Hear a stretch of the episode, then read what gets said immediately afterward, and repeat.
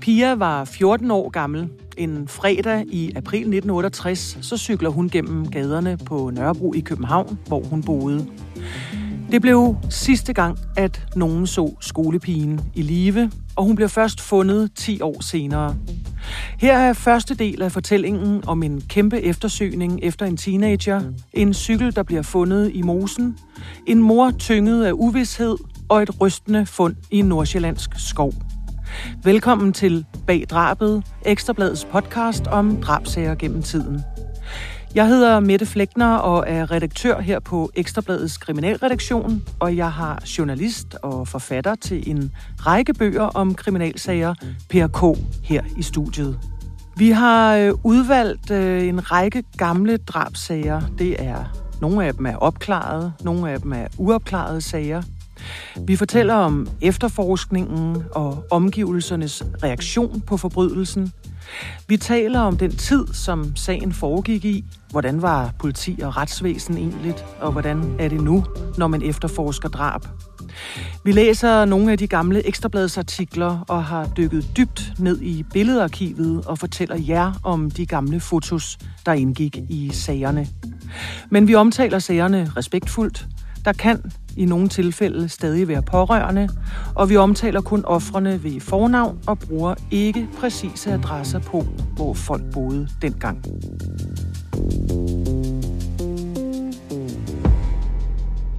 Per, du har valgt en kriminalsag, som vi skal tale om i dag, som har gjort et stort indtryk på dig. Hvorfor? Da jeg så et billede af Pias mor, Asta, sidde og holde det her billede af Pia i hånden. Hun blev fotograferet hjemme i sin lejlighed i Rysgade. Ja, det synes jeg simpelthen var så gribende. Og øh, det var det billede, der ligesom satte mig i gang med at undersøge den her sag og afdække den og arbejde med den. Og så er der også en anden ting, og det er de ord, som moren bruger, som hun sætter på sin sorg. De er, det, det er så gribende, at jeg aldrig rigtig har kunne slippe sagen om mysteriet om Pia Connie. Og det mysterie, det er så det, vi skal snakke nærmere om her i dag. Fordi vi skruer tiden tilbage til fredag eftermiddag den 26. april 1968. 14-årige Pia, hun bor med sin mor i en lejlighed i Rysgade på Nørrebro i København. Hvem var Pia, og hvordan var hendes familie? Ja, Pia, hun var jo en 14-årig pige, der gik på Frederikssundsvejens skole, som ligger lige et stykke vej ud i nordvestkvarteret fra, hvor hun boede på Nørrebro. Og øh, hun boede alene med sin mor, som var fraskilt. Hendes far boede et andet sted, og så havde hun en stefar, og så havde hun en søster og en bror, og så havde hun nogle ferieforældre i Rødby, hvor hun holdt sine sommerferier. Hun var en frisk pige og øh, en glad pige, og øh, ja, og vi kan også sige, at øh, hun var sådan en, der godt kunne lide øh, tidens toner, øh, beatmusik og så videre. Jeg sidder her med, med sådan en brun øh, papirspose. Det er fotomappen fra hele sagen om øh, Pia-mysteriet.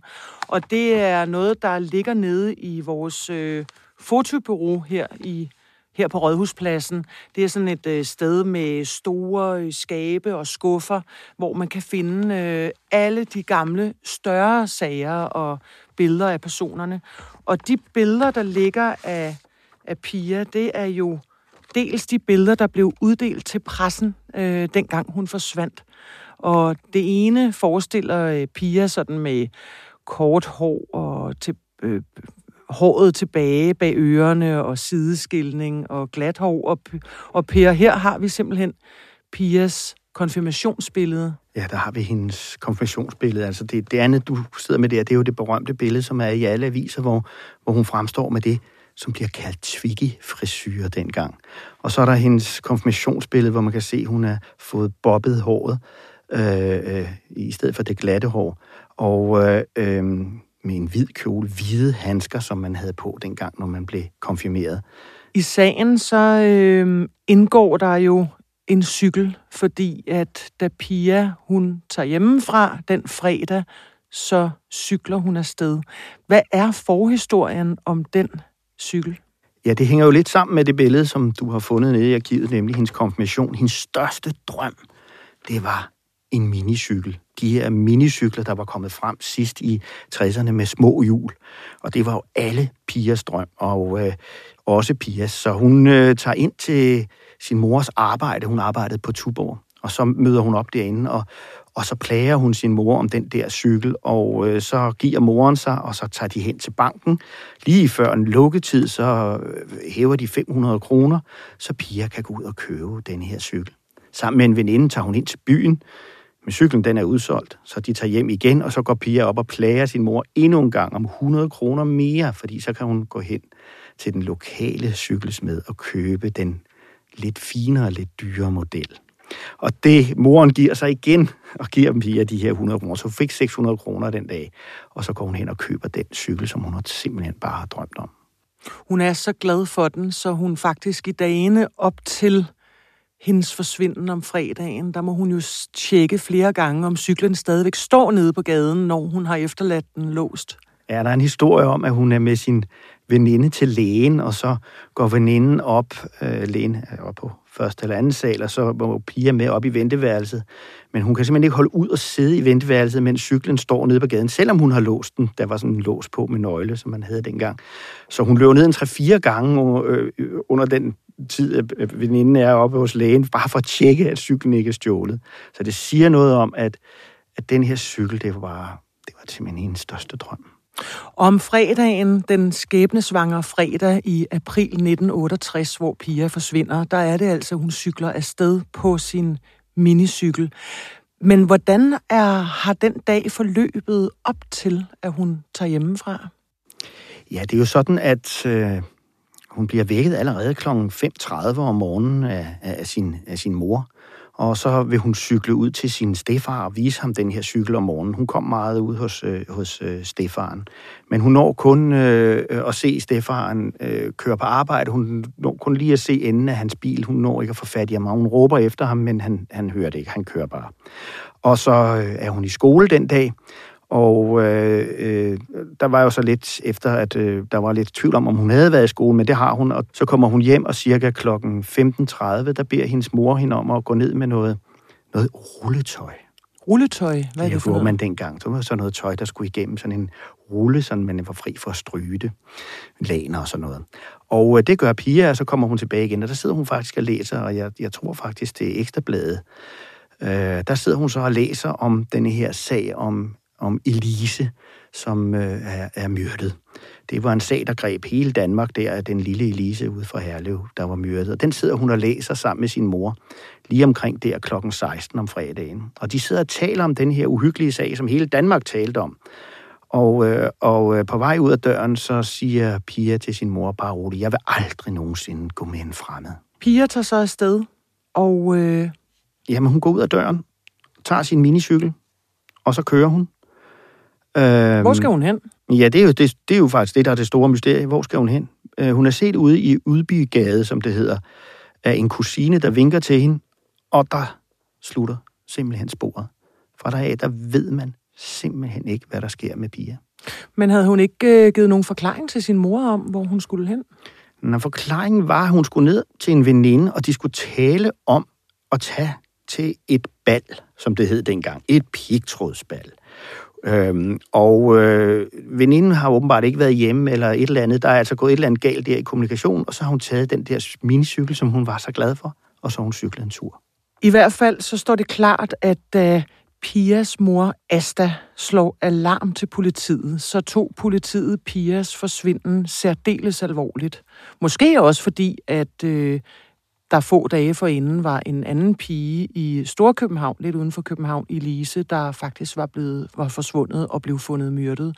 Men politiet tog det i hvert fald alvorligt, og de går i gang med øh, massive afhøringer. Det må man sige. De afhører alt rundt omkring Pia. Øh, kammerater, øh, opgangen, øh, og, og øh, det, det viser sig ret hurtigt, at det er simpelthen et mysterie. Altså, politiet er forundret over, at de kan ikke komme det videre, ind hun simpelthen forsvinder som sunket i jorden på vej ud af byen. Men der kom også noget frem, da politiet afhørte skolekammerater og lærere på Frederikssundsvejens skole, og noget, som faktisk Pias mor ikke vidste noget om.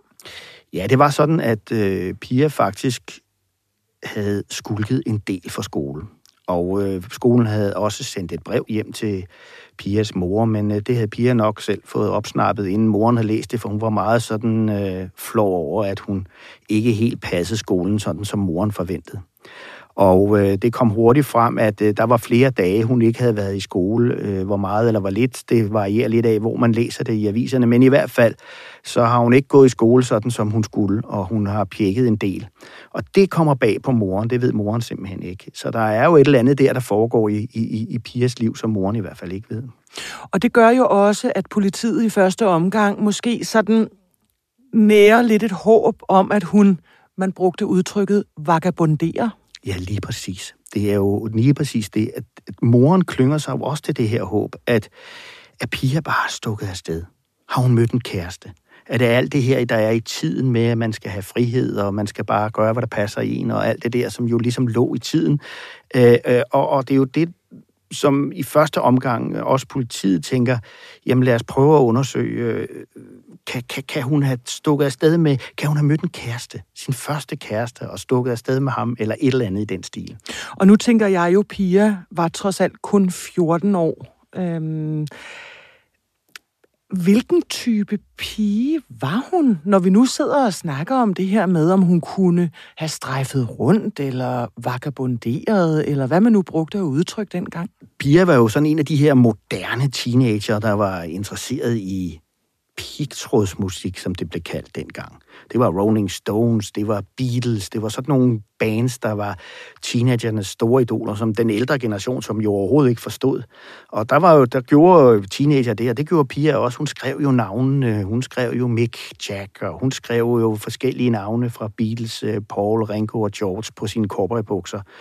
Og øh, hun var også fascineret af de her hippier. Altså, hun gik i sådan noget tøj, og, og, og hele den der tidstypiske øh, stil, der var der i, i, i sentresserne. Og det var jo det, man sådan prøver at få ind i den her efterforskning. Kan hun have været involveret i et eller andet med de her hippier, der, der, der, der som den ældre generation, man kan også se de i artiklerne, overhovedet ikke forstår, hvad er. Faktisk er det sådan, Per, at øh, du har fundet frem til Pias søster. Altså, det er den eneste overlevende tilbage fra, øh, fra den familie, den nære familie. Og hende har du besøgt? Det er rigtigt. Jeg har fundet Pias søster, og øh, jeg ringede til hende og talte med hende. Jeg havde mødt hende en gang tidligere, og derfor kunne hun godt huske mig, og det er jo altid godt. Øh, og øh, så øh, øh, jeg talte med hende i telefon, og så spurgte jeg, om jeg måtte komme forbi, fordi vi skulle lave den her podcast, og det sagde hun ja til. Så jeg var ude og lave et øh, interview med Pias søster her over 50 år siden, hvor hun fortæller og reflekterer på, hvad hun oplevede dengang, og hvordan hun ser på det nu. Og hun beskriver sin øh, lille søster Pia sådan her. Altså som en sød lille søster. Et, et kærlig, en, en kærlig lille pige. Er den med der? Ja, ja. Og øhm, som jeg lige nævnte før, jeg synes ikke, hun var, var ekstrovert eller, eller introvert, men, men hun var lidt stille, måske, og lidt eftertænksom, måske kan man også putte på. Og ja, jeg husker hende mest som, øh, så kunne hun komme hen, og så kunne hun sådan give mig en kram, altså. Sådan helt øh, umotiveret, ja. ja. Så jo. Kan du huske nogle episoder om hende, sådan, der, der har indbrændt? Fra barnsben af? Ja. Mm. Ikke specielt. Det synes jeg ikke. Altså, da jeg var flyttet og havde fået barn, børn, der kom hun ud til os, øh, og der, der bagte vi julesmåkager. Det var hun rigtig, rigtig glad for. Det er sådan en af de få gange, hvor jeg synes, det var rigtigt. Der havde vi, altså, der, der havde vi hende tæt på, ikke? Ja. Så. Men du var jo også mange år ældre end hende. Ja, det er jo det. Hvor det meget, det. hvor meget, hvor meget? Jamen altså, jeg er fra 46, og Pia, hun er jo fra er det 51. Altså, Så hun var sådan lidt en efternøler.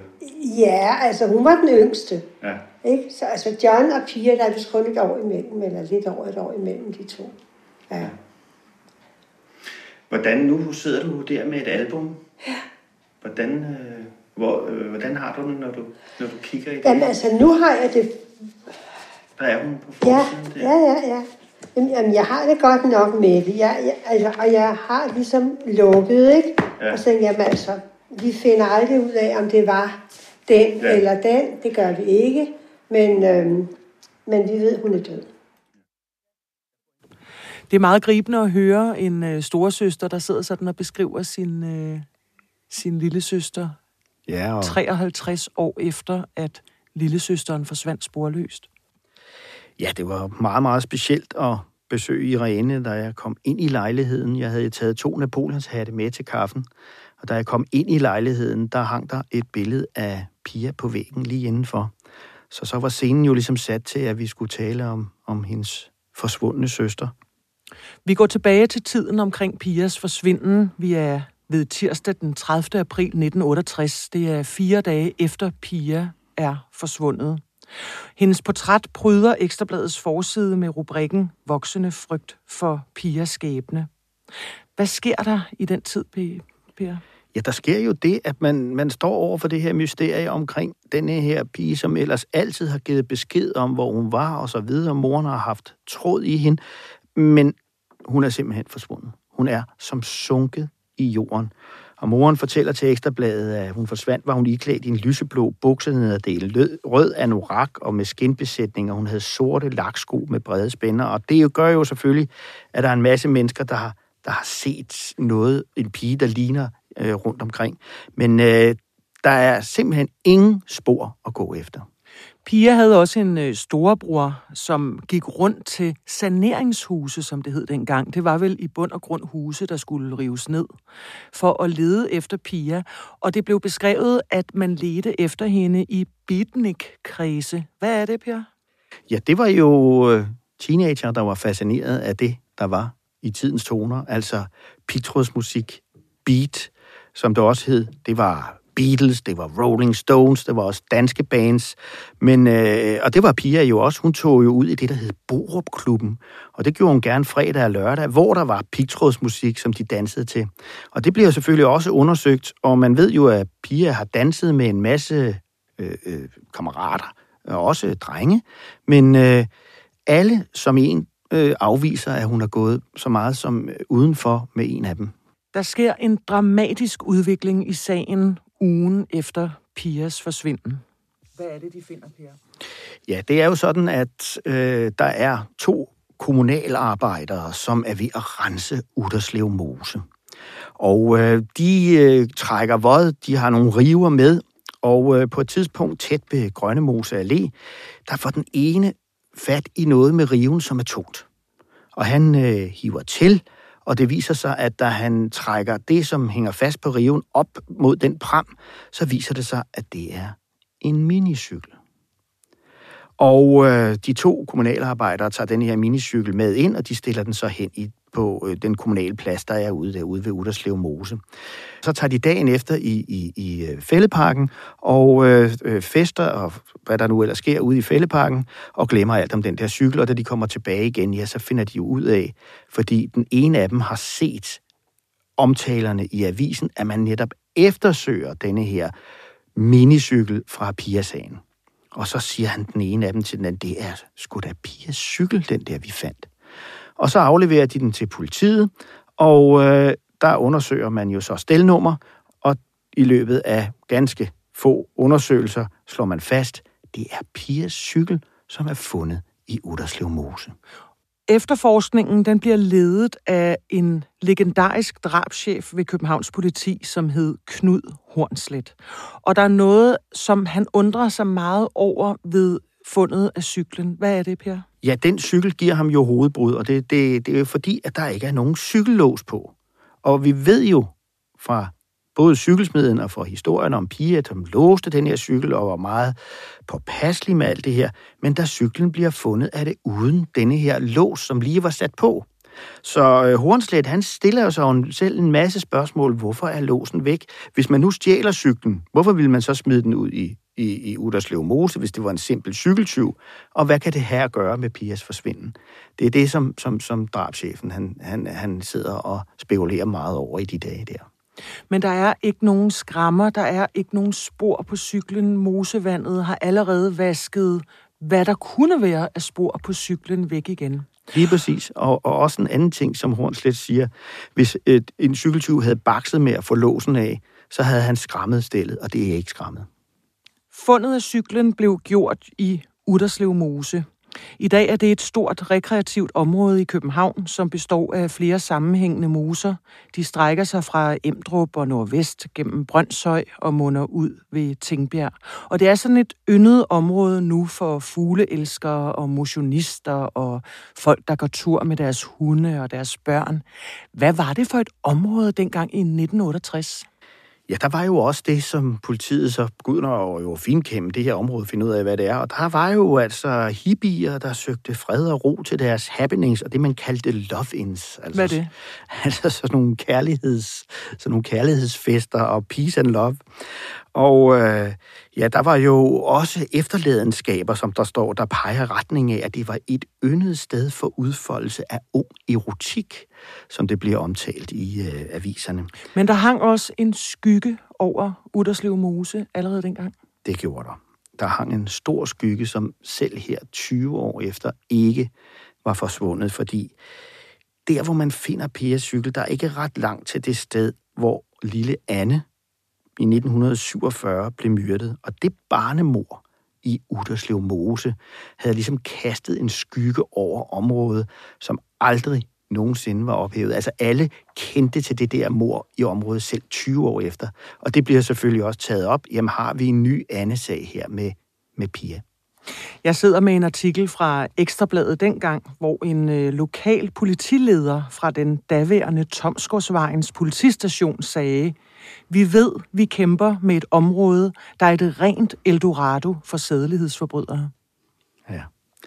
Og, og, og det er jo også hele det der navn Utterslev Mose midt i en by, det der en mose, det, det er jo sådan lidt, altså det drab oveni på, på Anne og det hele, det gør jo, at, at det, det er bare et sted, hvor man forbinder med, med, med, en, med, med en uhygge og, og, og noget, noget tragisk.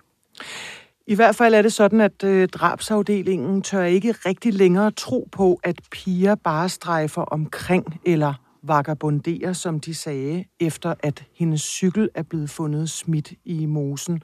Og hele mosen bliver undersøgt. Per, vi har nogle sort-hvide billeder fra dengang. Undersøgelserne i mosen ja. foregik. Og her kan vi faktisk se på det her billede, det er også sort-hvid billede, der, der går Hornslet den berømte drabschef øh, for Københavns politi. Det er ham, der går forrest her i sådan en, en, en lys cotton der bliver peget ud i, i, i mosen, hvor, hvor, hvor øh, øh, cyklen blev fundet. Så han er simpelthen selv ude på, på, på findestedet. Og man kan jo se dengang, at øh, efterforskerne, som der er taget billede af, de står og ryger cigaretter og har blød hat på, og som du også sagde, de her sådan halvlange cotton coats. Og så står øh, folk fra civilforsvaret i langskaftede støvler og har været ude i øh, det mudrede vand og har fundet nogle forskellige ting, der bliver, øh, der bliver undersøgt. Ja, og det er det eneste, de har gå efter, så Udderslev Mose bliver finkendet og, og der bliver jo sat massivt ind fra øh, CF og, og, og drabsafdelingen for at finde bare det mindste spor derude efter Pia. Pias minicykel er altså fundet i mosen, og hvad gør politiet for at komme videre i sagen? Ja, så afhører de jo hele omgangskredsen omkring Pia. Der kommer så en 54-årig mand i politiets søgelys, som de selv siger til Ekstrabladet. Øh, det er Pias stefar, Øh, han er afhørt flere gange, og, og i et 12 timer langt maratonforhør på politigården, hvor politiet så opgiver at komme øh, videre. Det, de havde fundet, var nogle nøgler i hans bil, som tilhørte Pia, men Pia kørte jo i den bil, så, så det var kun øh, et, et, et meget, meget svagt indicie. Og så var der en anden ting, det var, at han havde indleveret sit jakkesæt med blod på reværet til renseriet. Øh, det hentede politiet så, og så var cyklen fundet tæt på Stefans bopæl. Så øh, det var de ting, der var at gøre godt med, men der var simpelthen ikke noget bund i noget af det. Så øh, det endte med, at, øh, at øh, Stefan efter det her maratonforhør og yderligere undersøgelser bliver renset for enhver mistanke. Der er ikke engang nok til at rejse en sigtelse, og slet ikke en tiltale imod ham. Han fortalte selv til Ekstrabladet, altså som anonymiseret i anonymiseret form, at han havde været øh, mistænkt i sagen og havde været inde til forhør. Og han sagde også til Ekstrabladet dengang, at han forstod godt, at politiet var interesseret i ham, men at det var en helt absurd tanke, at han skulle have myrdet Pia. Hun kaldte mig far, og jeg føler over for hende som min egen datter, og ingen ønsker stærkere end jeg, at hun kommer hjem i uskat tilstand, sagde han. Ja, han, han, han opfordrer hende faktisk til at komme tilbage, hvis hun skulle have set, hvilken klemme han er kommet i, på grund af, at hun er forsvundet. Så det, der, der stopper det hele der med, med, med, med Stefan. Han bliver altså hverken sigtet eller tiltalt. Det var, hvad vi nåede i første afsnit af fortællingen om Pias forsvinden.